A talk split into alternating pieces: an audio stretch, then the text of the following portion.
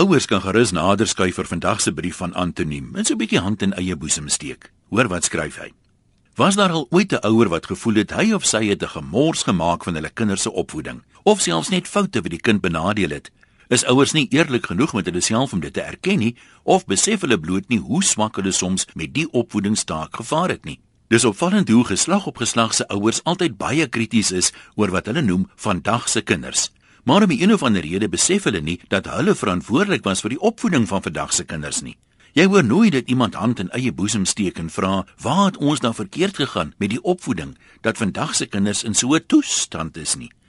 Nee, dit het van self gebeur, of is die arme onderwysers se skuld, of natuurlik die regering se. Slegte vriende word ook gereeld blameer. Maar is dit dan nie deel van die opvoedingsproses om jou kinders die waarde van ware vriendskap te leer nie? Jy het mos op skool geleer as jy jou met die semels meng, dan vreet die varke jou. En in die Sondagskool dat die boom aan sy vrugte geken word. En jy weet, soort soek soort. Hoekom is dit dan nie op jou kinders van toepassing nie? Dalk is ouers nie noodwendig oneerlik met hulle self nie. Dalk is hulle net aardsoptimiste wat verwag dat hulle kinders sal uitstyg ten spyte van hulle gene en opvoeding.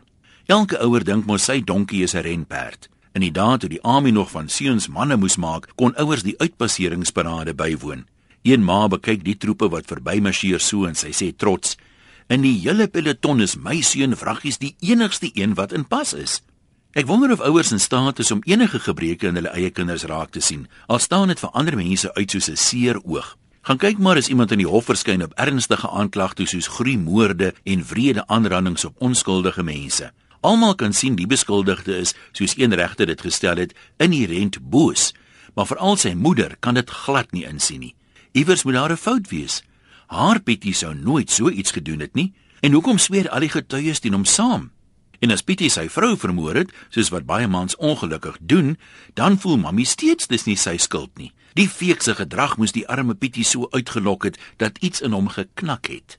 En wanneer 'n jeugbende in die hof verskyn, is daar dikwels 'n belhamel wat oogloop in die pad ver byster geraak het. Dis nou bygesê as hy ooit op die smalle weg was en toe sy leierseienskappe ingespan het om 'n bendeleier te word.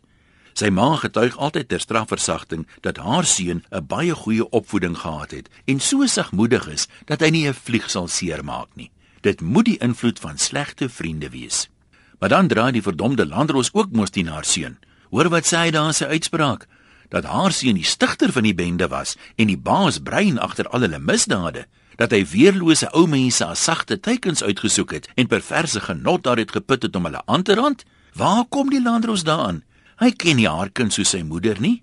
Hy het dan so 'n goeie opvoeding gehad. Groete van oor tot oor. Antoniem